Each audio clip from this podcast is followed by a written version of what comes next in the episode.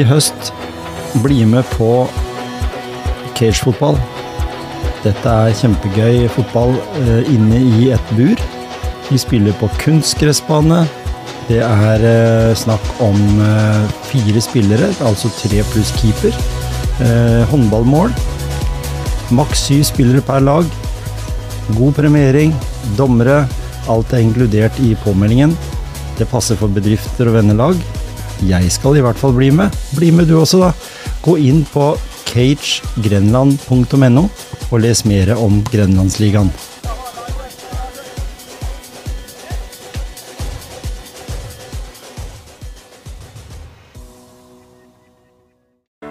Velkommen til en ny episode i podkasten Motivasjonspreik, som alltid kommer ut på en fredag.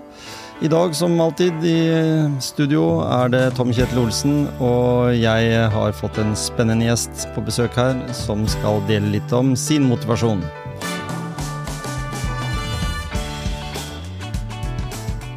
Ja, klokka og tida går, og i dag så kan vi ta opp et uh, gammelt ordtak, eller ikke ordtak engang, men noe som heter 'alle gode ting er tre'. For i dag, Ånund, så er du her for tredje gang i motivasjonspreik. Ja. Så, så deilig. ja, kjempekoselig. Vi har jo sittet her og prata nå i en time snart, eh, så nei, det er fantastisk. Kan vi kalle det for oppvarming? Eh, ja, det, så nå har vi nå er vi gode og varme i stemmen. Ja. Eh, For de som kanskje fortsatt lurer på hvem Ånund er, da, hvis vi går utover grensen her, så vi har Igjen så har vi sett deg på Vitapro-reklamen. Ja. Der går du enda dypere etter hvert. Er til og med på foto, og det er ja du Det er heftige greier. Ja, får se ordentlig månen min og greier, da. Ja. Det er eh, eh, Jeg blir jo alltid mobba for litt, litt lite hår på toppen. og nei, Lurer du på det, så kan du bare se den siste reklamen. Ja. Der får du i hvert fall se hvor lite hår det er på toppen. Ikke sant? Jeg tok den avgjørelsen for lenge siden. Jeg fant ut at det var lite både her og der. Ja, men du ser så bra ut, så kanskje jeg skal vurdere det samme. Takk for det. Velkommen, som sagt. Eh, I dag så skal vi snakke litt om eh, ting som går på dette her med helsa vår. Ja. Begge vi er jo Vi er ikke ungdommer lenger, men vi er i vår beste alder. Det er helt riktig. Og vi kan oppnå akkurat hva vi vil. Eh, Seinest for noen få dager siden så er en felles bekjent, eh, Jørn Fjelldavli, som ble verdensmester i sykling. eh, I en alder av over 60. Det er Så det er aldri for seint. Eh, nei. Og han sykler jo da med en annen eh, fra Grenland, Jonas Abrahamsen. De trener jo sammen. Mm. Selv om han sier at det er litt vanskelig noen ganger å henge med, Mm. så kan han i hvert fall mm, på distanse sikkert henge med. Han, sy han jo, eh, syntes jo det var veldig kort, da. Han, de sykla vel bare 7-8 km. Ja, ikke sant? Ja. Det var litt for kort. Ja. Men eh, Jørn skal jeg snakke med seinere, jeg. Men eh, allikevel, eh, når vi snakker om dette her med viktigheten av, av kosthold i forhold til trening, Mm. Eh, Så har jo du vært med i episode 29, og den blei episode 52 pga. det at vi måtte snakke mer om det vi hadde snakka om i den første. Og nå har vi blitt enda litt eh, voksnere, Mm. og kanskje du også har noen nye knagger som vi kan komme innom. Så, men for de som da vil bli bedre kjent med Ånen, så eh, ta en lytt på episode 29. Der forteller vi litt om oppvekst og bakgrunn og sånn. Men allikevel, eh, du er nøye med kosten, for du skal opprettholde deg en eh, god treningshverdag, er det ikke sånn? Jo, eh, og hvis vi snakker om Jørn eh, også, så eh, som vi avslutta egentlig, som jeg husker sist podkast, så var det Så snakka vi litt om kunnskap er bra, forståelse er dynamitt. Mhm. Eh, og det er klart at når det gjelder trening, det å prestere fysisk, eh, så er jo eh, kosthold kanskje det aller, aller viktigste, i tillegg til, til søvn. Mhm. Og å kunne mye om kosthold, eh, det er veldig bra. Eh, Å vite at man må spise litt og man må drikke litt og så videre. Eh, Men hvis du virkelig forstår det, Mhm. da er det dynamitt. Ja, ikke sant? Og eh, hvis vi tar fingrene, tar opp den ene hånda, og så har vi, har vi tommel og pekefinger og langemann osv., så, videre, så så kan vi tenke oss at eh, vi kan sette navn på, på tommelen. Altså, vi begynner med den første, som er fett. Og så har vi eh, proteiner. Og så har vi karbohydrater. Og så har vi vitaminer. Og så har vi mineraler. det er liksom alt det som på en måte kostholdet består av. Derfor er det veldig fint å tenke på handa mi. Og hvordan er den handa? Og hvordan er ting fordelt, på en måte. Og det som bare er litt morsomt, da, det er jo altså fett. Det er jo for så vidt greit. Det er tommelen, den er kanskje minst også, så at vi trenger egentlig kanskje minst av det. Eh, og så trenger vi eh, mye proteiner, for proteiner er kjempeviktige når vi skal bygge muskulatur. For all trening, det bryter ned, og da må vi ha mye proteiner for å bygge muskulaturen tilbake igjen, og enda litt sterkere. Og så har vi den lange mannen, da, som er egentlig fuck you-fingeren, som eh, dattera mi sa for lenge siden. Og det er da også med karbohydratene, som både kan være en eh, forbannelse, men også da en velsignelse. Så får du for mye fuck you-fingeren, som er karbohydrater, ja, så blir du eh, tjukk og feit. Eh, spi, bruker du, eller får du eh, riktig mengde karbohydrater, så er det som bensin på bålet. Altså det er skikkelig power.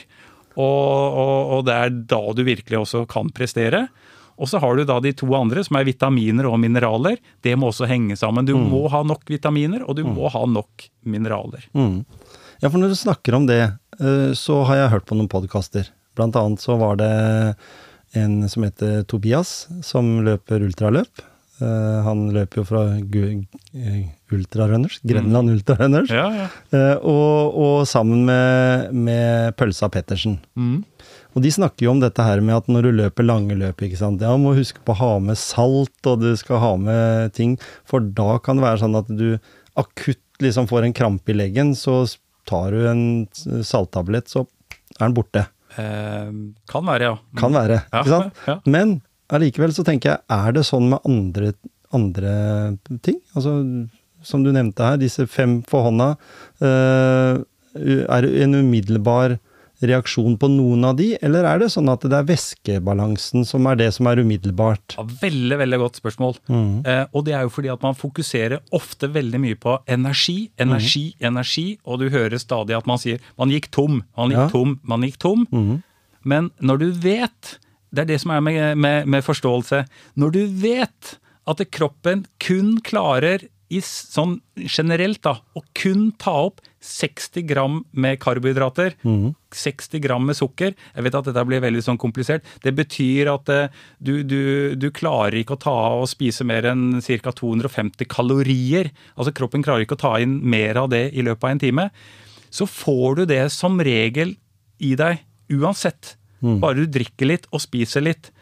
Så, så kroppen har generelt sett ikke så mye problemer med å få nok energi. Men vi har kjempeproblemer med å få i oss nok væske. Så når vi tror vi ofte er gått tomme i konkurranser og på ting som foregår over lengre tid, så er det sånn Nei, jeg fikk for lite energi. Nei, du fikk ikke for lite energi, men du fikk for lite væske. For det påvirker kroppen helt ekstremt. Og får du for lite væske over lang tid, så klarer du på slutt til slutt heller ikke å få i deg energi, fordi at kroppen og munnen og spytt og alt, det er så uttørra at du nesten ikke får i deg energi. Og så får du en dobbel eh, dårlig effekt. Men klarer du stort sett å drikke hele tida, med energidrikk, pluss litt ekstra ting som er rett på tanken, altså gel f.eks., bananer, ting som har veldig mye karbohydrater i seg, så skal du egentlig ha ganske lite til å opprettholde en god energi. Men det viktigste er å da opprettholde væskebalansen. Mm, og da vil jeg si, kan du nevne anledningen du har vært i sjøl? Fordi du har jo løpt lange ultraløp, du har vært i Norseman, du har vært med på det som er det heftigste av det heftige. Ja. Kan du si noe sjøl av egen erfaring? Ja. Eh, Som du har vært på det nivået at du mangla væske, f.eks.? Eh, Ja, og det er det som også skjer veldig mye med når det gjelder kramper. Mm. Eh, Så hvorfor får man kramper? Man vet egentlig ikke helt hva, hvorfor. Man snakker om magnesium, snakker om, om væskebalanse, og at det har mye å si. Det er i hvert fall eh, veldig tydelig for meg. Så når jeg begynner å få krampe, da vet jeg at jeg har drikt for lite. Eh, Og for meg da, eh, så er det bare å tømme det som enten er da på flaska eller i sekken eller hvor som helst. Det er å drikke så mye at jeg nesten kaster opp. Ja. Og det siste som jeg var på et ultraløp eh, for bare 14 dager siden, mm. da kom jeg dit. Jeg stoppa, fikk kramper. Og da var det jo bare å komme meg til matstasjonen, drikke, drikke, drikke til jeg var helt eh, på, på randen til å kaste opp. Så begynte jeg å gå, og så kom jeg tilbake igjen. Krampene forsvant. og jeg klarte å, å fullføre. Så, så, for meg, eh, og for veldig mange, så er væskebalansen, spesielt når det gjelder kramper og sånne ting også, ekstremt viktig. Og der er du da inne på det med å ha forståelse er dynamitt. Ja. Fordi du, du, du gjør mer enn en bare det som må til, fordi du har blitt kjent med deg sjøl og dine egne evner, da. Og når, helt riktig. Og på, vi har hatt noen sånn veldig ekstreme sånn Norseman-konkurranser, eh, som flere av de. Og, og, når du vet hvor mye du trenger av drikke, mm. og du sitter med computeren foran deg, og du sitter med flaskene eh, på, på, på sykkelen, da er det sånn Når du vet at det har gått en time, mm. og hvis ikke den flaska er tom, da er det ikke noe som sier bare at eh, ja, men jeg føler meg ikke eh, tørst, liksom. For det, de følelsene de skal du ikke styres etter. Så skal du se på klokka, du skal vite hvor mye du i utgangspunktet trenger. Mm. Da drikker du den flaska tom, mm. selv om det nesten er til, til, til, at du kaster opp. Ikke sant? Og, vi ser jo det, nå, nå, kan vi nevne sykkel, for du er jo også litt over normalt engasjert i sykkelmiljøet. Du har i hvert fall vært leder i Grenland sykkelklubb. Uh, og da tenker jeg, hvis vi, hvis vi, ser nå hvordan de opptrer på, i VM og andre steder, hvor viktig det er med å fylle på med væske, drikkestasjoner, så så jeg en annen ting. Uh, fordi, og det var uh, Tor Hushovd faktisk som nevnte under Tour de France, at når noen fikk feil på sykkelen, så av med computeren også, for de har sånne, sånn computer på styret nå. Sånn går litt på hvilken kapasitet de har. Da kan du ikke bare få en ny sykkel, for da er den computeren på null. Så de måtte liksom ha med seg den. Fordi den er også med på å hjelpe deg til å følge det opp. Altså en påminnelse. Ja, fantastisk. Mm. Og det, det, er akkurat det jeg på en måte snakker om, men det er jo forskjellig level, liksom. Mm. Nå snakker vi først om kosthold, og da må du det hjelper liksom ikke å si at nei, jeg føler meg ikke tørst, så jeg, eh, nå drikker jeg bare det som jeg føler for. Mm. Ergo, jeg drikker bare en halvliter i timen, mm. eh, selv om det er 20 grader. Men jeg, jeg, vet vel egentlig at jeg burde drikke en, en liter, mm. men jeg har ikke følelse for mer enn en halvliter. Da, så lenge du da ikke har forståelsen av at du må mm. drikke en liter, mm. så går du på en smell. Mm. Og det samme skjer med de her også. De vet eksakt hvilken watt de kan ligge på i bakkene. Mm. Og, men det betyr ikke at de ikke har en følelse for at vet du hva, akkurat nå føler jeg meg bare helt konge. Mm. Jeg kan jo bare tråkke fra alle og alt det, den følelsen sitter de med hele tida i de mhm. bakkene. Mm -hmm. Men de sitter og ser at nå kjører jeg da 370 watt, 450. Jeg har en terskel på 500 mm. som eh, sannsynligvis på den bakken. Og det betyr at går jeg over den terskelen, mm. så kommer det til å smelle. Ergo, jeg har lyst, men fornuften og eh, eh forståelsen av dette her mm. sier at nei, jeg må holde meg under 500. Mm. Derfor så må de da ha en eh, De må ha computeren over, som er da kalibrert til den sykkelen igjen, som mm. gjør at de kan fortsatt eh, vite akkurat hvor de ligger henne, mm. sånn at de ikke de kjører hardere enn de på en måte har kapasitet til. Og der syns jeg det er veldig fint nå å få det i et litt annet perspektiv når eksempelvis nå Tor Hushovd er der, fordi han snakker jo om Uh, og jeg har hørt så nøye altså Kommentatorene liksom Nei, han fikk ikke med seg drikke fra den stasjonen! Ja. Da kommer det til å gå til helvete, liksom. Ja, ja, kommer ikke til å greie det, liksom.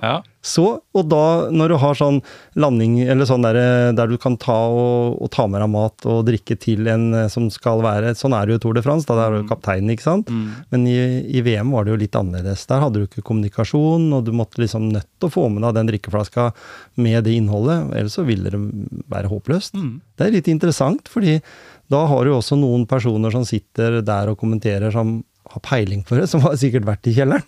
Eh, det er helt klart. Noen ganger. Ja, ja, ja. ja. Og jeg syns det er veldig bra. For mm. han, han, han, vet hva han snakker om, og da er det litt mer eh, gøy å høre på. Mm.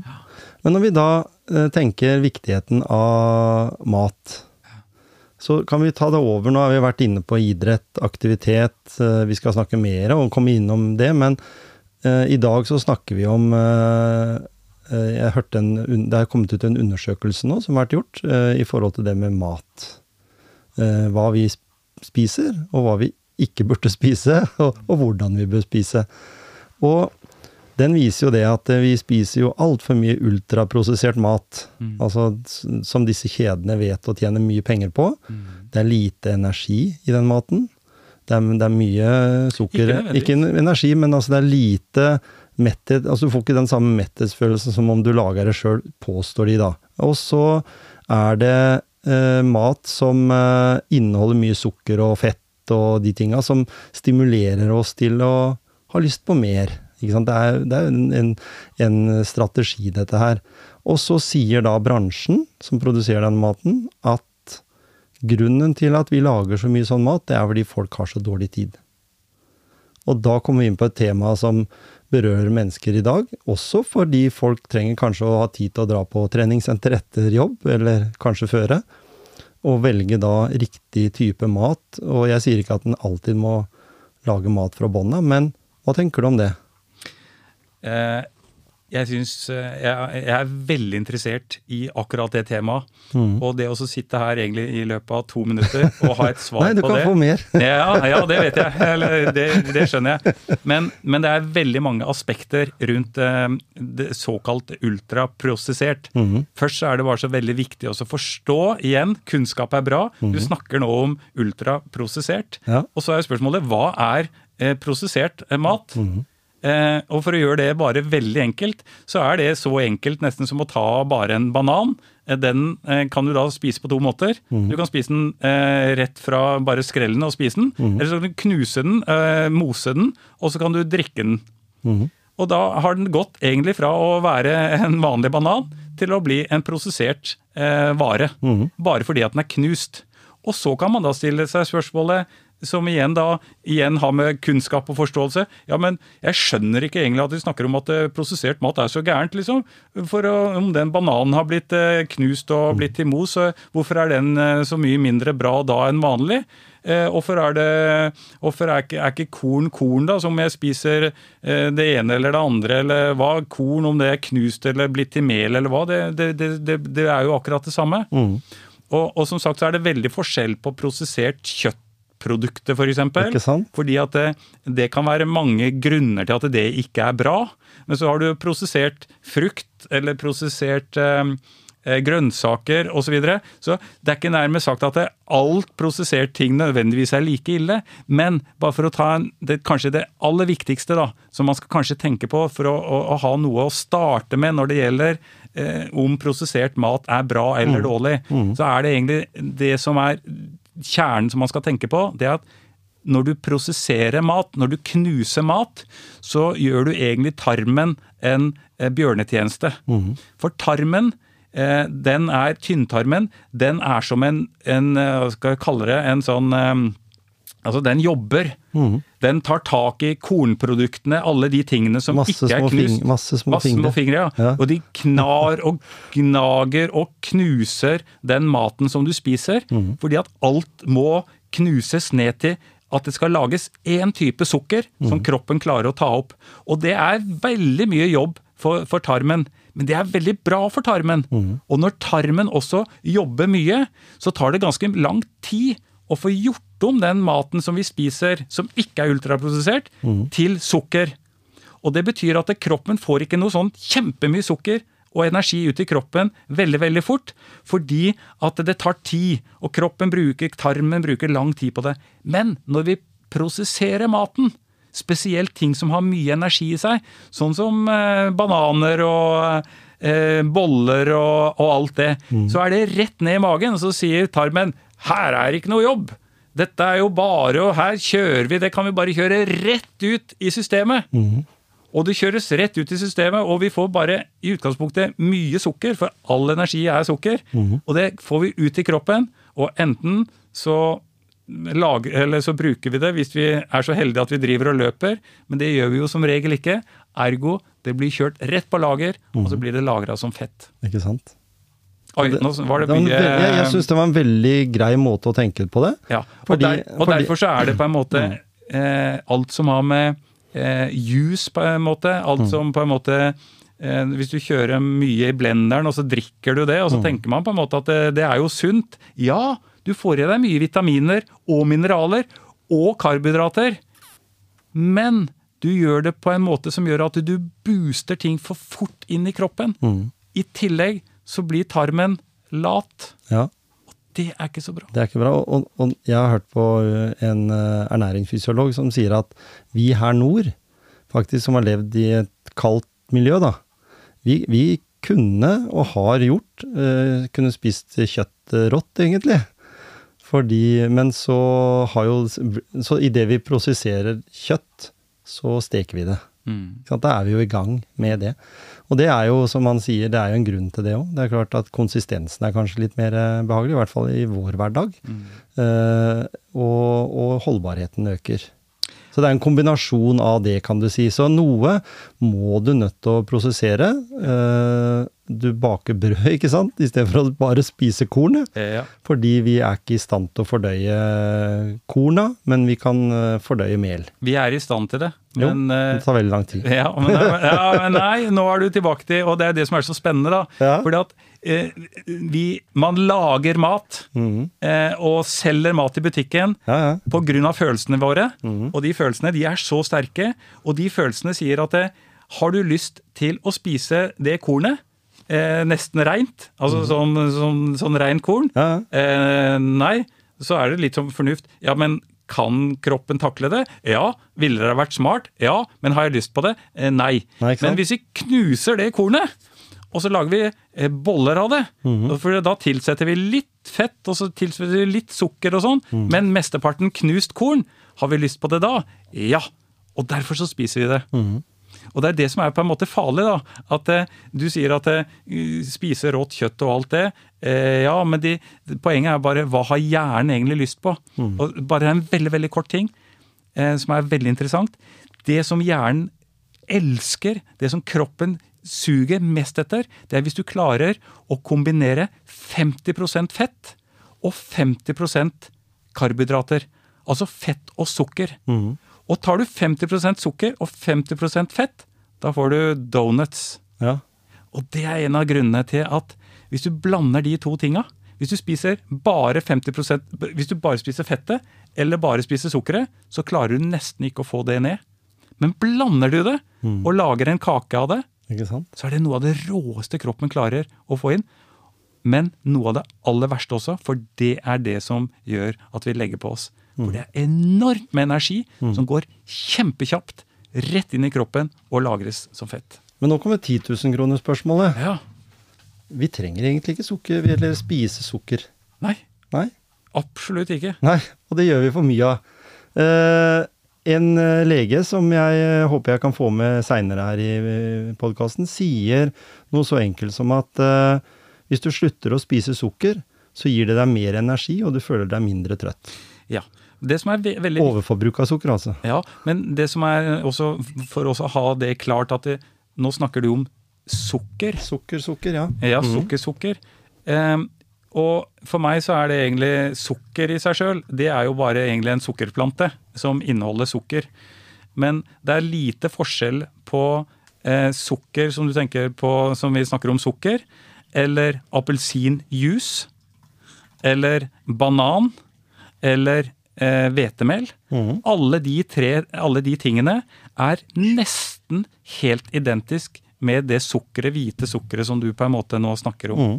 Så om du egentlig drikker fruktjuice, honning um, um, uh, banan, mm. så er det en, altså den glykemiske indeksen på de matvarene er nesten identisk til sukker. Mm. Nå vet jeg at det er noen som vil si at nei, Olsen, der tar du feil. Eh, ja, men for å på en måte gjøre det, det enkelt. enkelt det det betyr, det er at når man spiser de tingene, mm. når man spiser eh, eh, en bolle f.eks., og det kommer ned i tarmen, så skal uansett all type energi som, er, eh, som vi kaller da på en måte sukker eller karbohydrater. Alt skal spaltes ned til én type sukker som kroppen kan ta opp. Den kan ikke ta opp eh, de forskjellige typer sukker. Alt må spaltes ned til én type sukker. Nemlig. Og spørsmålet er hvor fort går det? Mm. Og jo nærmere du kommer det, den, det, eh, den, det som kroppen må spalte det ned til selv, jo nærmere den indeksen er, jo fortere går det. Mm. Og sukker, appelsinjuice, banan, eh, eh, mel, hvitt mel er nesten like kjapt. Mm. Og derfor så fungerer det på samme måte. Så om du egentlig spiser sukker eller hvitt mel, spiller egentlig ikke så mye rolle. Mm. Nei. Det er ikke noe, nødvendigvis noe verre å spise sukker heller enn en juice. Nei. Så alle de tinga de, Problemet er jo at vi spiser for mye av det. Mm. Mm. Og, og gjerne at vi drikker det i form av brus eller juice eller eh, smoothie med banan og epler og alt. Og det går bare ned. Og det, vi tenker at det er sunt, for det er jo frukt, det er jo bær osv. Men det er enormt mye energi. Og når den er prosessert i tillegg, så går den ned i tarmen. Den sier bare tut, tut, ingenting som skal til. Får det ut i kroppen. Og så får du egentlig på en måte en sånn sukkerboost i, i, i, i kroppen. Og derfor så er det eh, viktig på en måte også vite at det, sukker, nok energi, det får vi i utgangspunktet mer enn nok av. Og skulle du være i en situasjon som du ikke får egentlig nok sukker, eller energi, at du føler det, så har kroppen mer enn nok fett som den kan hente, som den gjør, for å produsere den energien du trenger for å kunne leve godt i mange dager eh, uten at du nødvendigvis får i deg så veldig mye energi. Ja, de sier jo det. eh, Du kan gå 14 dager uten mat, Ja, det kan men du Men kanskje lenger òg. Ja. Og du kan gå i hvert fall tre dager uten vann nå, egentlig, av de reservelagra, hvis ikke du er veldig fysisk aktiv. Så, så kroppen er en maskin, sånn sett. Altså veldig, veldig, veldig flink på det å ha alltid et lager Absolutt. i, i, i seg, da. Og eh, nå vet jeg ikke, det blir kanskje Du får redigere bort hvis det blir for langt, da, men noe som jeg syns også er kjempe, kjempespennende. For at du hører stadig folk sier at eh, å nei, nå må jeg ta meg en banan, for nå er energinivået mitt eh, veldig lavt. Eh, og det er jo kjempeinteressant, for det, dette sier jo Alle går jo rundt og sier det, at jeg har så lat energi, og nå må jeg spise fordi, osv. Og så Hvis jeg da kan bare veldig veldig kort forklare hvordan dette her på en måte skjer. De menneskene er ofte vant til å spise ganske mye energi.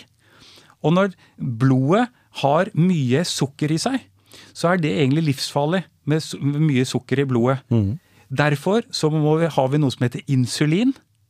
Og det insulinet det produseres når det kommer mye sukker i blodet. Og Derfor så skriker da på en måte kroppen som sier Øy, nå har det kommet mye sukker i blodet her, eh, vi må produsere insulin. Bukspyttkjertelen jobber som tusen, mm. lager mye insulin. Insulinet går bort, fysisk tar tak i sukkeret. Enten bruker det i muskulaturen vår hvis vi på en måte driver med noe, men hvis ikke vi driver med noe, så må den fjerne sukkeret. Ergo den lagrer det på rumpa eller på magen eller osv. som fett. Problemet er at når den har gjort den jobben, og vi ikke spiser så mye sukker i bare noen timer, plutselig så er det veldig mange arbeidere, altså insulinet, det fyker rundt i kroppen, men så har det ikke noe særlig å gjøre. For vi har tatt alt sukkeret og gjort jobben vår og putta det på lager. Så hva sier eh, insulinet nå? Vi har ikke noe å gjøre. Vi må ha mer sukker! Ja.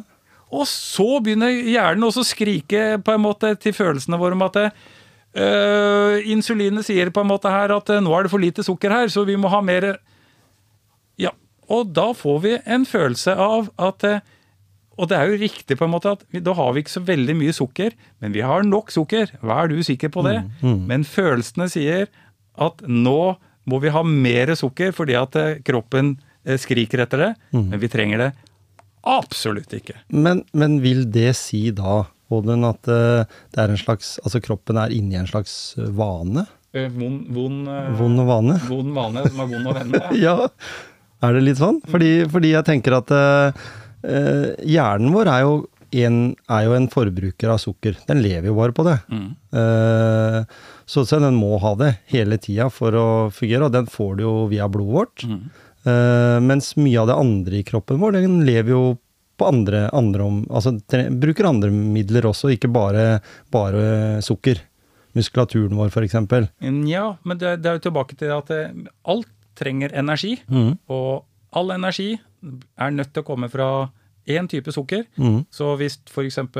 kroppen ikke får den energien, så tar den fettet vårt, Mm. gjør om til den type energi, putter ut i blodet, Mm. som igjen mater hjernen og resten av kroppen med denne energien som vi trenger. Mm. Problemet er jo bare at det, når vi er er vant til å på en måte ha masse masse, masse energi hele tida, sukker i kroppen, så, så, er det, så sier det seg litt sjøl at det, får du litt mindre, så, så får vi liksom en følelse av at oi, vi hadde trengt mer. mer. Og kroppen er jo så lur at den nesten lar oss gå i koma med tanken på at vi er nødt til å skaffe oss mer energi.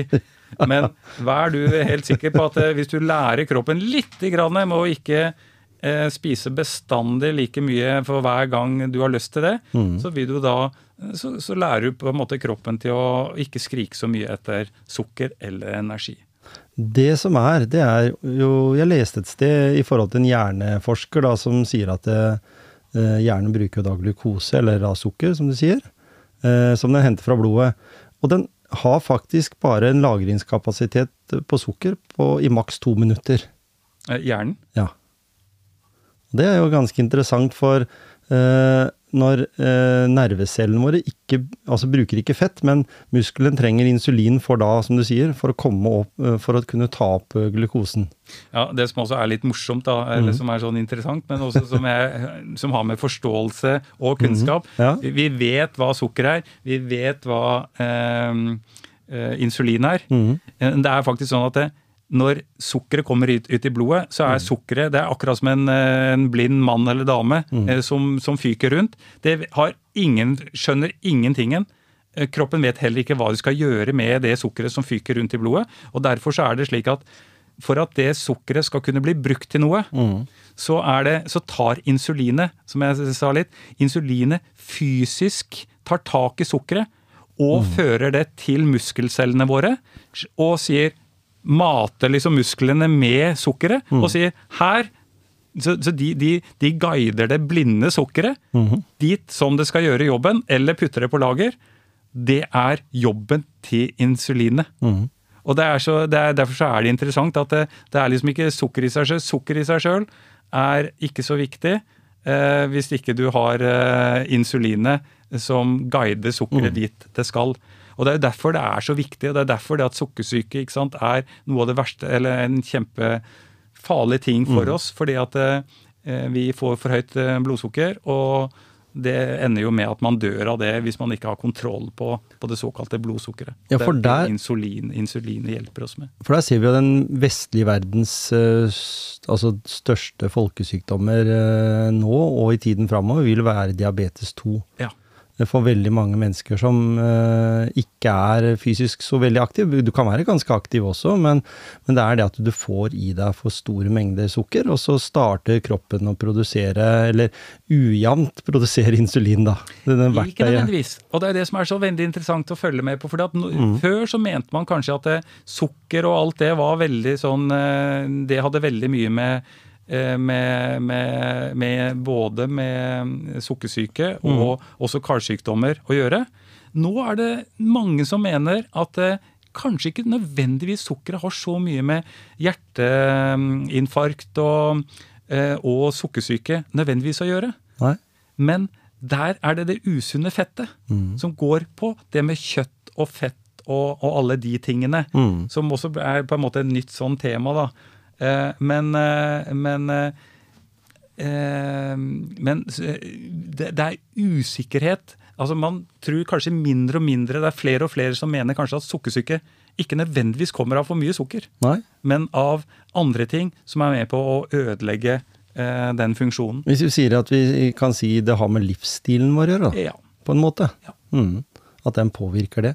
Og jeg vet jo sjøl av egen erfaring gjennom min jobb at vi har flere og flere eldre, og ikke veldig Ikke bør ikke være så gammel heller. Kan være på vår alder òg, som har utvikla diabetes 2, og som får en helt annen hverdag. Mm.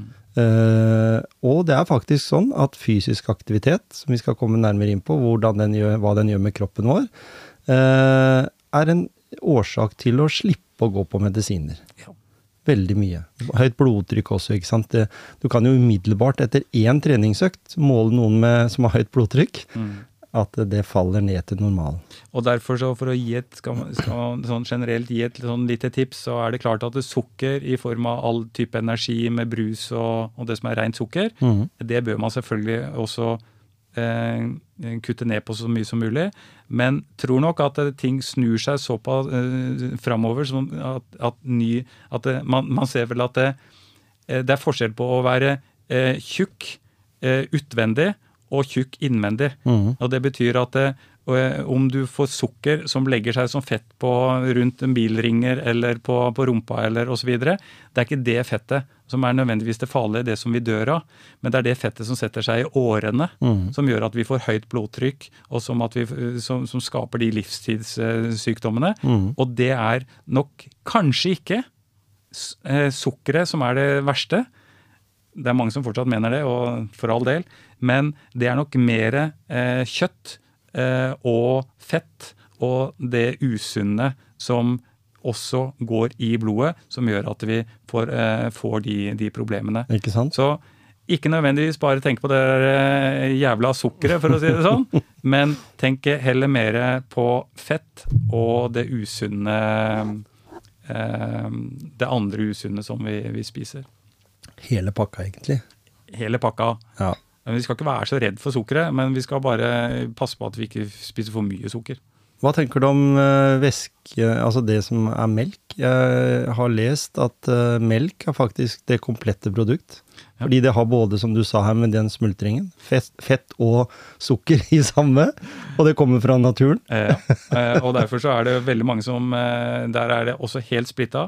Mange mener at eh, melk er noe av det mest det sunneste som går an mm. å, å, å, spise eller drikke. Ja. Mens de som er veganere, f.eks., eller også til en dels vegetarianere, mener jo at melk er noe av det verste på en måte du kan spise mm. og drikke. Eh, jeg lever jo bare på melk, nesten. Altså, Hadde det vært opp til meg, så kunne jeg, hvis det var én ting jeg måtte på en måte ha, så var det på en måte melk. Mm. Men det betyr ikke at jeg er Etter hvert så, så, så kanskje ser jeg at det, mm, jeg bør eh, kutte ned også på melka. Så nå, eh, nå, drikker jeg melk med det aller minste fettet. Mm. For det har ikke noe poeng å ha alt det fettet. Drikker du mye melk, så drikker du også mye fett. Mm. Og det er ikke noe poeng. Nei, det er bra med alt av vitaminer og mineraler og proteiner mm. som er i melka. Mm. Men du trenger egentlig heller ikke verken de karbohydratene som er der, og i hvert fall ikke det fettet. Nei, ikke sant? Så jeg vil i hvert fall si, hvis du er veldig glad i melk, kom deg ned på den grønne lettmelka. Mm. Høres lurt ut. Ja. I hvert fall hvis du drikker mye, som du sier. Hvis du tar et glass i ny og ne, så, så, har ikke den samme, samme betydninga. Men det er veldig bra for vitaminer og mineraler. Mm. For at vi skal gå over til det som er her i toppen, altså hodet vårt, den, uh, hodet vårt er jo den delen av kroppen som tar mest energi ut fra å være minst. Eller altså består av sånn ca. 2% av kroppen vår, men allikevel så forbruker den til og med når vi sover uh, oppimot 15 av, av energien, da, eller uh, sukkeret. Så har vi jo noe med det her når du gjør ekstreme fysiske utskeielser, kan vi kalle det det, når du Ta eksempelvis Norseman, som var nå i helga som var. Mm. Eh, da må man jo ha også en mental styrke som går ut over den tilførselen som vi snakker om med vann og mat og alt sånt. Hvordan uh, tror du at uh, hvor, hvor, viktig er det for deg at hodet fungerer? I den, det du har vært med på å produsere også, fordi en vet jo det at du har laget uh, utstyr til barn, ungdom, som trenger bevegelse.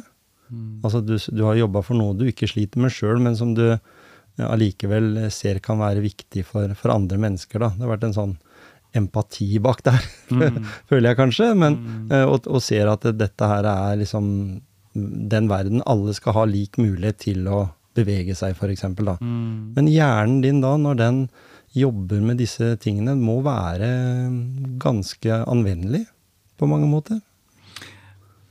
Ja, uh, igjen et, eh, et innfløkt, uh, komplisert uh, spørsmål og tema. Um, hvis jeg skal bare si litt om hva, altså mine tanker rundt det som har med, med de tinga å gjøre, da, mm. så, så, har vi sånn igjen ting blir veldig enkelt.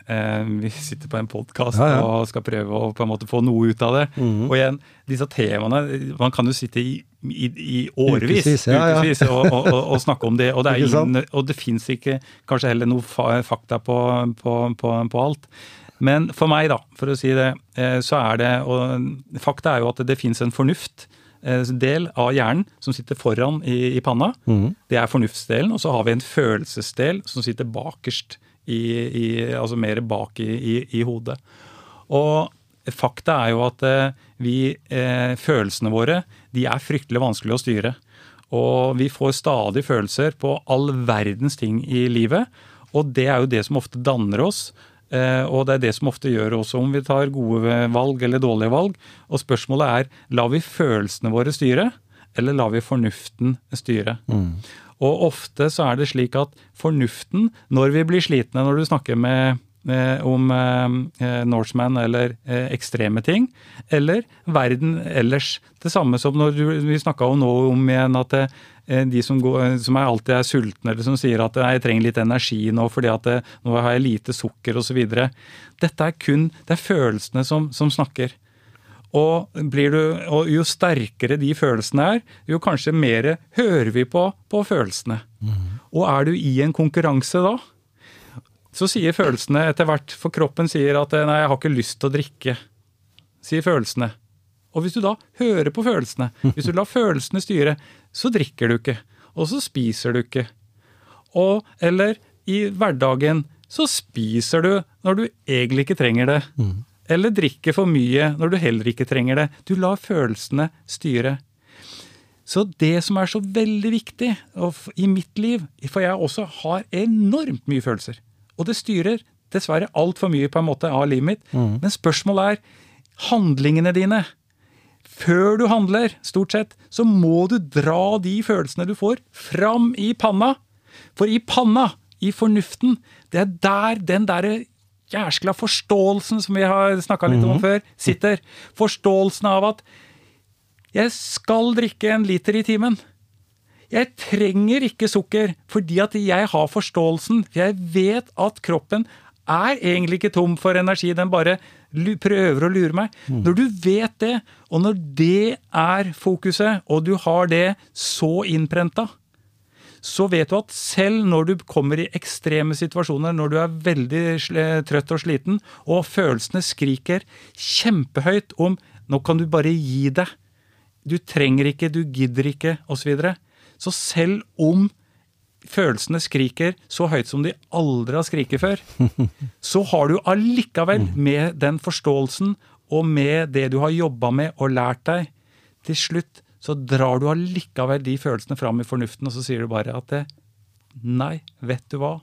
Det er helt Jeg er så på stålet. Jeg er så sulten. Jeg er så videre. Men ikke fader, altså.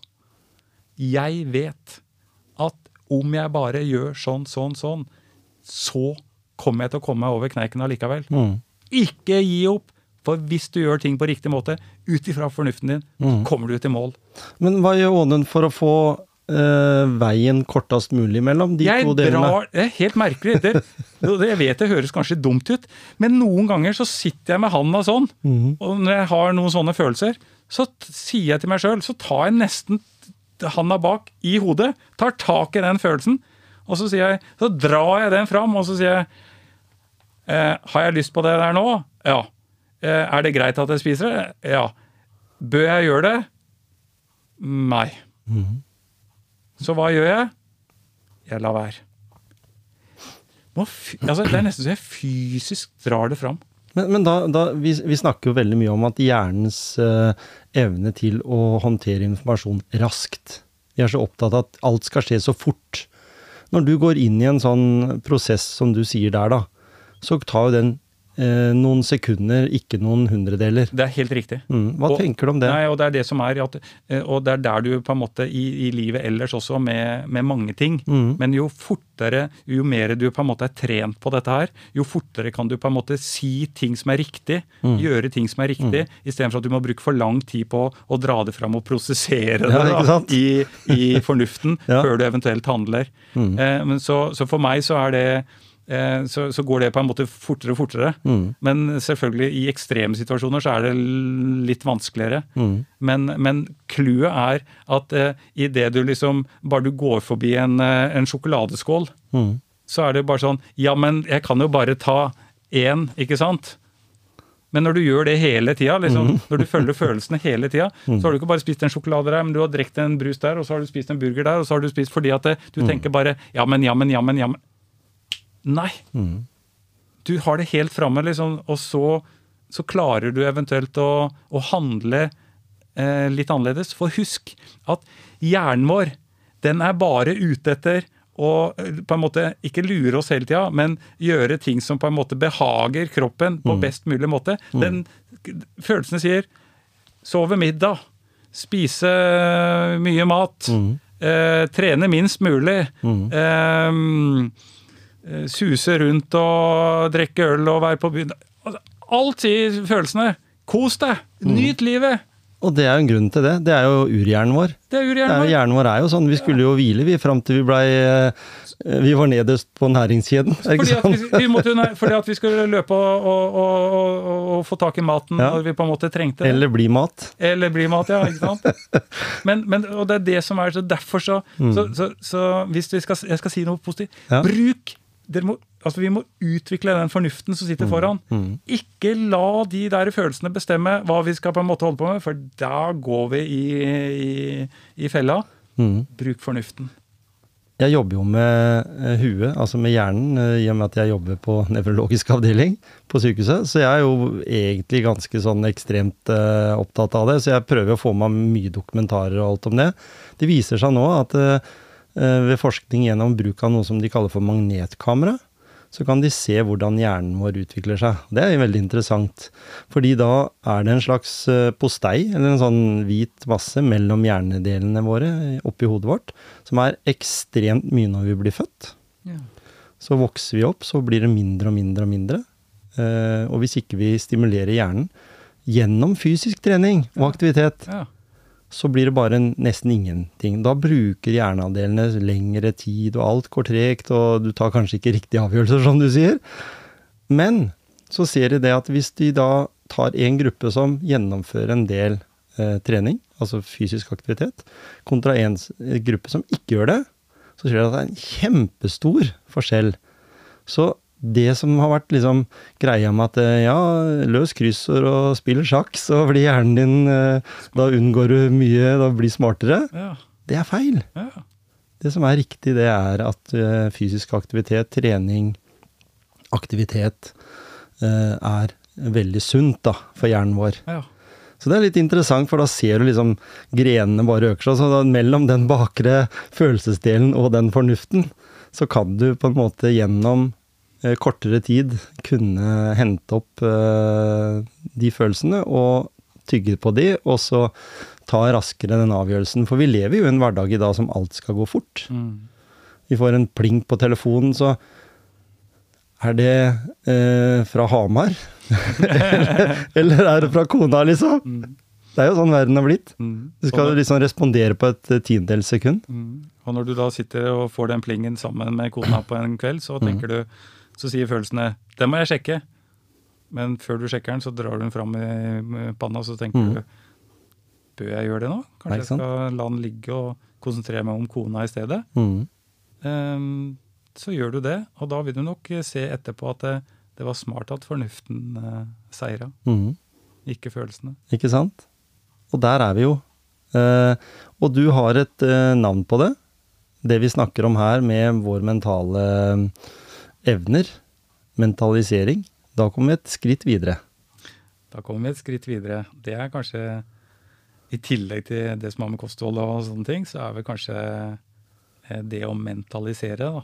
eh, Det er kanskje noe, hvis vi bruker det ordet, skal jeg forklare litt mer hva det er for noe. Mm. Det er kanskje noe av det som jeg syns er mest spennende i hele livet. Ja. eh, Og som kanskje gjør også at jeg, jeg føler vel at det er grunnen til at jeg har kommet dit jeg har kommet. Mm. Og da tenker jeg, hvis vi nå tar mentalisering inn i eh, Altså, eh, hvis vi skal si drivergruppa da, av Norge, f.eks., politikerne, De som sitter som statsråder i regjering osv. Nå skal vi ikke ha mye om politikk, men vi nærmer oss et valg. Eh, mennesker som på en måte skal ta avgjørelsen for oss.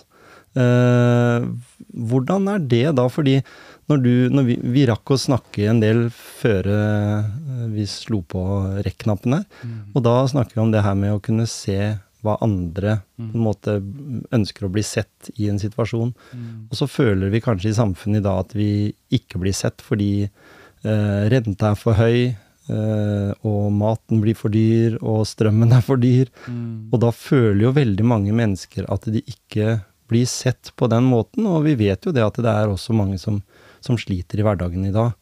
Eh, både pga. egen selvforskyldte ting, men også mye pga. at samfunnet plutselig har blitt uforutsigbart i et trygt og forutsigbart samfunn som Norge egentlig har vært siden tidlig på 80-tallet. Mm.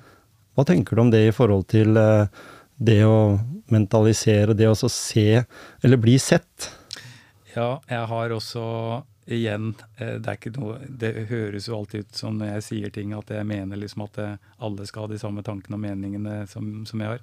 Det mener jeg absolutt ikke. Men jeg blir jo veldig engasjert i Ja, så er det du som er her i dag? Ja, eh, så jeg må jo bare si hva jeg tenker og mener. ikke sant? Og det er jo litt sånn Jeg er vel egentlig kanskje en av de største kapitalistene du snakker med. Samtidig så, så er jeg ikke så glad i kapitalister i det hele tatt. Eller kapitalismen i, i det hele tatt. Jeg er jo en rein blå, blå mann, mm. men uh, er jo eh, egentlig rød ja. i hjertet. Mm. Eh, og jeg syns jo det er trist på en måte å se også at sånn som Arbeiderpartiet nå, da, sliter Ikke bare sliter, men det er, det er de aller, aller, aller laveste målingene som de noen gang har fått. Mm. Og, og, alle liksom sier bare på en måte altså trøkker, disse, trøkker Arbeiderpartiet ned da, mm. og sier de er jo liksom de er noen helt idioter eh, i utgangspunktet, alle sammen. Mens hvis du egentlig ser på hva tankene er, og hva de på en måte gjør eh, rundt, så er jo Hvis du egentlig ser på det fra mitt ståsted, så, så er faktisk det meste veldig smart. Det er veldig lurt, eh, osv. Problemet med Arbeiderpartiet det er bare at det, de har på en måte ikke forstått at det er ikke hva du gjør og hva du sier, men det er måten du sier det på, mm. og måten du gjør det på. Og hadde de på en måte klart å få forklare oss hvorfor de gjør ting som de gjør, på en god måte, mm. så er jeg så, så hadde jeg syns at, tenkt at Arbeiderpartiet virkelig hadde hatt eh, det, det er, For det er et godt parti, og de mm. mener det meste, men de klarer bare ikke å mentalisere. Nå kommer vi tilbake ja, til det, det ordet 'mentalisere', mm. og det betyr å sette seg i en i andres situasjon mm. og tenke 'hvordan ser jeg på meg sjøl'? Mm. Og det er det som er litt med Støre. altså Støre er, spør du meg, flinke, en av de aller flinkeste politikerne som, som er. Mm. Han får jo så mye pepper. Men han er så flink. Men det eneste han på en måte mangler, i mine øyne, mm. det er at han, han, skjønner ikke helt at man må eh, forklare ting på en litt annen måte enn det Arbeiderpartiet gjør. Mm. De, de, på en måte gjør mye negativt som egentlig er nødvendig, men de klarer ikke å fortelle hvorfor de må gjøre det. Mm. Og det er egentlig veldig trist. Og, og det med hvis du bare på en måte gjør eh, Skal på en måte følge dine egne følelser, da, eller at Arbeiderpartiet nå skal vi kjøre vår politikk på vår måte, vi skal si det vi har lyst til å si til mm. enhver tid, mm. så gjør de det. Men det faller ikke i god jord, selv ikke hos meg. Jeg bare gremmes mange ganger, og så tenker jeg bare mm. Ja, men det er bra dere gjør det dere gjør, men for, dere må jo fortelle hvorfor. Mm. Og, og, hva er grunnen til at dere gjør det sånn? Mm. Men, men, men, hvis vi nå da spoler tida tilbake Vi sier at Jens Stoltenberg sier jo han var så flink på akkurat det der med å, å vise altså at folk fin, fantes, da. Eh, jeg har snakka med andre som sier at dette har, har, har noe om en modningsprosess i livet. Eh, hva du har vært igjennom osv. Og, så videre, og du har fått eh, noen føringer i livet av foreldre. Du har blitt korrigert, da, som er et veldig greit ord. Du har blitt korrigert underveis. Mens mange nå av politikere har egentlig bare gått fra videregående og inn i politikerskolen, og så er de der de er. Så de har ikke den med seg på veien. Når vi sier at eh, Arbeiderpartiet hadde Oddvar Nordli og disse her. Hva var det som gjorde de så mye bedre, fordi var de noe tydeligere og, mer klare på hva de mente? Det er som med, kosthold. Eh, nå snakker vi om kosthold ned på Du må drikke 0,9 liter Ja, i timen kontra 1 liter. Mhm. For, eh, for 50 år siden Mhm. så, så, så sa de 'drikk til du er eh, utørst', Ja. eller 'spis til du er mett'. Mm. Eh, sånn var det også i politikken. Altså, nå er jo Altså, vi har sosiale medier. Altså, Mm. vi har eh, medier som, eh, som på en måte gnager på alt. Mm. Prosesserer alle nyhetene. Det er det jeg mener. Ja. Og når du prosesserer på den måten, at man bryter det ned på den måten, så Mm. betyr ting så ekstremt mye mer. Mm. Ergo det er så Altså, vi er så ømfintlige eh, for ting og tang, så Mm. hvis man sier noe, så, så, så tar media tak i det, for de skal tjene penger på det. Mm. eh, Lager store storyer, i utgangspunktet gjerne negativt. De Mm. bryter Arbeiderpartiet helt ned til de ligger f.eks. med brukket arm og bein og alt Mm. som er. Og så, når de har gjort det, så bygger de det gjerne litt opp igjen, for da er de de underdoggen på en Ja, måte igjen. Eh, og, og hvis du da som parti ikke er klarer å sette deg inn i eh, vanlige menneskers eh, liv og si at vet du hva, sorry altså med det med, med, med, med den inflasjonen, det er et Det kommer til å bli et skikkelig eh, skikkelig vondt for veldig, Ja. veldig mange mennesker. Men det er og, og det betyr at hvis når vi nå må gjøre det vi gjør, så betyr det at det er mange som må miste jobben. Mm. Og sånn er det bare. Det er ikke noe vits å snakke om at det, om, om tre uker at det, Oi, nå har vi fått mange flere arbeidsledigheter. Nei. Vi gjør de tinga for at det skal bli færre i jobb. Mm. For at det, vi skal få problemer med å betale ting og tang. Og for at vi skal ikke har råd til alle de tinga. Det er det som gjør at vi kan få kontroll generelt sett på inflasjonen. Mm. Men de klarer ikke å, å sette seg inn og så si eh, at eh, sorry, Norge, befolkning, dette kommer til å gjøre ordentlig, ordentlig vondt, og det er vi veldig lei oss for. Mm. Men vi er nødt til å gjøre det for det. Mm. Hadde, de, hadde Arbeiderpartiet sagt det, Ja. på en gjentatt det og messa om det, at jeg er dessverre nødt til å gjøre det, det gjør vondt, Mm. Som vi gjør med barna våre. Vi sier ofte vi må gjøre det sånn og sånn og sånn, for det er til ditt eget beste. Mm. Men prøver å Hadde de klart å fått oss til å forstå det? Mm. Men de er ekstremt dårlige, dessverre, Arbeiderpartiet, Mm. til å få oss til å forstå det. Og derfor så sier bare alle, alle bare viser Arbeiderpartiet i fingeren. Og dessverre så kommer det til å skje. og det, De klarer ikke å endre på det nå på, på det nærmeste. Men, men hvis vi da sier at eh, det er menneskene bak her som ikke kommer med de klare Ja. svarene, for de har jo departementer, og du har jo, har jo rådgiver, og du har hele nettverket bak deg, som på en måte er de som gir deg de tinga du skal snakke om. Ja. Så det skal gi deg ditt syn om, om pride, det skal gi deg ditt syn om, om uh, fysisk aktivitet, det skal gi deg ditt syn om alle de tinga. Blant annet så vet jeg det, at det har vært en eh, undersøkelse som igjen viser at vi nordmenn har blitt enda mer inaktive, Mm. i 80 Mm. som er mindre aktive enn 20 minutter hver dag. Mm. Eh, men så utelater da de norske politikerne akkurat det, den artikkelen, eller den delen, i den mm, videre framdriftsplanen, fordi de er litt Det er litt sånn kamp om dette her nå, vet du. Hva skal du Altså, vi var inne på det, prosessert mat. Er det kjedene som bestemmer prisene? Er det vi politikere? Og så videre. Så tenker jeg eh, Jonas Gahr Støre, som du sier, er han kjempedyktig politiker. Han kom seinest her i forhold til nå, så har vi litt eh, mye regn i Norge. Og da er det jo på en måte ikke, føler jeg, politikerne som bestemmer, men det er eh, YR, eller Meteorologisk institutt, akkurat som FHI bestemte, eh, bestemte forrige gang det var pandemi. Eh, jeg syns at det uklare svaret kommer rett ut av munnen på Støre når han sier at når han får spørsmål først om eh, er dette her noe vi kan gjøre noe med, alle disse her eh, flomkatastrofene og sånt, og så, så sier han at ja, vi jobber med det, men vi skal komme nærmere inn på hva vi har tenkt å gjøre. Så, så gjør det for meg en sånn det er en sånn forsvarsposisjon. Du går liksom litt sånn inn og ikke kommer med et klart svar. Hvis han hadde sagt at ja, vi skal gjøre noe i Norge nå med det, men vi måtte, må bruke de neste fem åra på det. Så hadde jeg liksom vært trygg på det at ja, ja, ok. Men da er du tilbake til akkurat det som du sier, Mhm. som jeg sier også. Ja.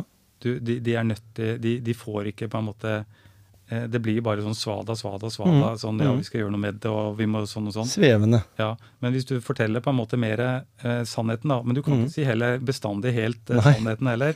Og det, det skjønner jeg. Men alle skjønner det liksom hvis du sier at eh, vet du hva, hvis det er slik faktisk, hvis eh, Jonas Gahr Støre hadde sagt at det, når kloden blir varmere, hvis det er det de mener, mm. det betyr at det kommer mer vann. Mm. Det betyr at det, det kommer til å komme mer eh, situasjoner sånn nå. Mm. Det eneste vi kan nå prøve på, det er å være med på klima, et klimaskifte. Mhm. Eh, og, og så må vi jo da begynne virkelig, altså bare ta virkelig tak i ting. At alt nytt som blir bygd, at det blir bygd sterkere. Og begynne å gjøre endringer der vi, vi kan gjøre. Men Mm. jeg håper dere skjønner det. Hadde han sagt det? Jeg håper du skjønner det at det, det tar lang tid. Ja. Men eh, vi må selvfølgelig prøve å gjøre ting eh, så fort som mulig og så godt som mulig. Men det er ikke noe man kan forvente at man kan se store endringer på liksom om et år eller to. Men vi kan i hvert fall begynne nå. Mm. Og kan jeg få lov å si da at eh, har vi blitt for rastløse? Har vi, er det sånn som hvis eh, en potensiell presidentport president borti USA sier at hvis jeg hadde tatt en telefon til Putin i dag, så hadde krigen vært slutt i kveld. Sånn, det, Er det sånn verden har blitt? ja, og, og det er det som er med opposisjonen. Og det er det som er med verden. At det, den som bare på en måte roper høyest og roper tøffest og er Mm. bøsest, han på en måte både blir hørt og, og, og respektert. Uansett hva du har gjort. Ja, ja. Mens den som på en måte tenker langsiktig, Mm. det er bare som selskaper nå. Eh, har du et, et, et selskap som blir kjøpt opp, så, så er ikke det sånn at nå skal vi virkelig bygge dette selskapet og bruke ti år på eh, å bygge det her selskapet videre til Nei, det skal bygges, eller det skal kjøpes, så skal det gjøres små endringer, og så skal det selges videre igjen for en høyere pris. Altså, Mennesker som du sier, alt, er, alt skal gå fortere og fortere, fortere, fortere. Eh, og det er de mest populistiske tingene som til enhver tid også vinner, stort sett. Så når du da får et, eh, et Arbeiderparti som gikk på valg sist gang med at eh, de skulle ha høyere skatter, så mener jo jeg at ja, det er kanskje kjempesmart, det. Men det hjelper jo ikke å si at dere skal ha høyere skatter når dere ikke kan forklare, klare å forklare hvorfor vi skal ha høyere skatter. Det folk bare hører, det er at de pisser på oss. Ja. Og, at, og det er da du er tilbake til den der mentalisering. Det må du som Jonas Gahr Støre eller alle som sitter i Arbeiderpartiet. Dere må forstå at å sitte og være en vanlig arbeider som får høre at det, Nei, du må bare forvente sånn og forvente sånn og forvente sånn og på en måte bli pissa på. Da føler du det, og da, da kommer du aldri til å stemme Arbeiderpartiet. Og når, arbeid, når du ikke stemmer på Arbeiderpartiet, så får du heller aldri sjansen til å å utøve politikken sin. Ikke sant? Men eh, det er ikke noe krise mentalis i Norge. mentalisering, det skal vi Jeg er sikker på det at eh, duoen kommer tilbake igjen, for vi kan gå dypere inn i mange av de sakene vi har vært innom. Eh, det er helt sikkert. Men, men det jeg har lyst til å høre litt, hva er motivasjonen til Ånund om dagen? Ja. Altså For å ha litt i motivasjonspreik. Nå har vi jo snakka litt, hvis noen lytter, liksom, så hører jeg at vi må jo forsøke å motivere lytterne våre til forskjellige ting. Både kosthold og, og, og, og mentalisering og, og, og diverse sånne ting. Drikke godt og sånn. Men, men hva driver du med om dagen? Ja, veldig godt spørsmål. Vi det også litt, vi prøver å gjøre det kort, da. ja. eh, eh, nå er jeg egentlig eh, nesten pensjonist. Altså, jeg kunne ha eh, pensjonert meg, for å si det sånn. Men så vet jeg jo, da når Følelsene sier nå kan du bare ligge på sofaen eller bare gjøre akkurat hva du vil, liksom, eller noe sånt. Men, men så drar jeg den fram i fornuften, Ja. og så sier fornuften at det, det er noe som heter 'lediggang er roten til alt ondt'. Mm. Eh, ja, har jeg lyst til å slappe av og ikke gjøre noen ting og bare eh, Ja, eh, er det fornuftig? Eh, nei. Eh, så nå er jeg sånn at eh, nå sitter jeg der og tenker at jeg må jo gjøre noe, Mm. men jeg vet ikke hva. Men allikevel så er det en ganske god følelse, da. Er det ikke det? Eh, å sitte, sitte her nå. Du, får, du får litt sånn lønn for eh, mange, mange, mange arbeidstimer. Som du, som du har på en måte lagt ned. Vi har jo alle lagt ned mye, mange timer i jobb. Men du har jo bygd eh, eget, så du vet jo hva det vil si å, å være fra null og Ja, opp ja. til der du er i dag. Ja, ja og, Men når du sitter på utsida og så ser naboen kjøre på jobb, så tenker du liksom Nei, jeg skulle jo ha jobba, jeg skulle jo ha Mhm. Men så kommer fornuften, og så sier at det, eh, nei, eh, slapp av du. Kos deg med kaffen. Mhm. Eh, samtidig så skal du også gjøre noe. Så igjen, som et eh, sånn, litt sånn kanskje avrunding, avslutning, pass på. La aldri følelsene styre alt som er. Eh, gå på tvers av følelsene. Lytt til fornuften, Mhm. Eh, som sitter foran i panna. mm. Og så lar dere heller handlingene eh, skje ut ifra fornuft og ikke følelser. Og det må jeg tenke på nå, i Mm. den fasen som, eh, som jeg skal gå inn i. Men når vi snakker om motivasjon, da, er det er en god eh, greie å bruke litt lengre tid på den kaffekoppen? Bør vi liksom senke skuldrene litt? Eh, jeg ser jo det at du er ikke sånn hyperaktiv på sosiale medier, ikke sant? Du kunne jo nå brukt masse tid på det når du da eh, er der, men, men det er jo på en måte der folk har blitt. Eller havna det. når jeg snakka med avisfolk, så sier de nei, om, om noen få år så papiravisa den er borte fordi vi kommer bare til å være på nett og sosiale medier osv. Men skal vi bruke litt lengre tid på den kaffekoppen? Eller den bollen med grøt, eller hva det er Ånund eh, får i seg om morgenen? Jeg tenker det at det viktigste er at du prøver i hvert fall så langt det lar seg gjøre. Altså Man må jo tjene penger og få livet til å gå rundt for familie og alle sammen, men, mm. men vi er såpass forskjellige at eh, ja, jeg bruker gjerne en time ekstra jeg, på den kaffen og syns det er veldig viktig for meg. Mm. Og så har du da en som heter Pål eh, Solberg, mm. eh, som er vel snart eh, 80 år, eller han er vel kanskje blitt 80 år. Ja. Jeg tror han ikke, jeg tror han elsker stort sett å gå på det kontoret og, Mm. og ha noe å gjøre. Mm. Eh, det viktigste er jo at eh, vi må gjøre det som vi har lyst til å gjøre. Mm. Bør i hvert fall ikke sitte som 80-åring og så tenke Søren, altså. Jeg skulle ha kosa meg litt mer med den kaffen eller gjort litt grann andre ting. Mm. Hvis du har mulighet. Mhm. Altså, livet er jo ikke sånn at vi kan bare gjøre det vi har lyst til til enhver tid. Men jeg har i hvert fall muligheten til å ta en, eh, en time mer kaffe. Mm. Sånn som jeg kjenner deg, så tenker jeg at eh, du kunne også sikkert ha kosa deg. Du, kunne, du, du kan nok bruke litt mer tid på kaffen. Ja, syns du Men, det? nja, men, eh, men hvis du har lyst til det. Ja, ikke sant? Mm. Det er Og, og, og det er også det med å bruke, drikke kaffen. Jeg har jo alltid sagt at eh, grunnen til at jeg har kommet dit jeg har kommet, og det er ikke tull, jeg har sittet med beina på bordet og drukket kaffe. Mhm. Og når jeg vant Skaperen, starten på Skaperen, det var beina på bordet på pulten. Mm. Satt med og drakk kaffe og tenkte hm, hva med å skaffe, eh, gjøre noe for de aller svakeste barna? Og så begynte ballen å rulle. Mm. Så de beste ideene kommer ofte kanskje når du kjeder deg, eller når du sitter helt stille og rolig, mm. og kanskje drikker kaffe. Og det er en god eh, avslutning på, på denne ukas eh, motivasjonspreik. Tusen takk, Onund, for at du delte både med det er lov å si, det ene og det andre. Koselig. Veldig koselig å være her.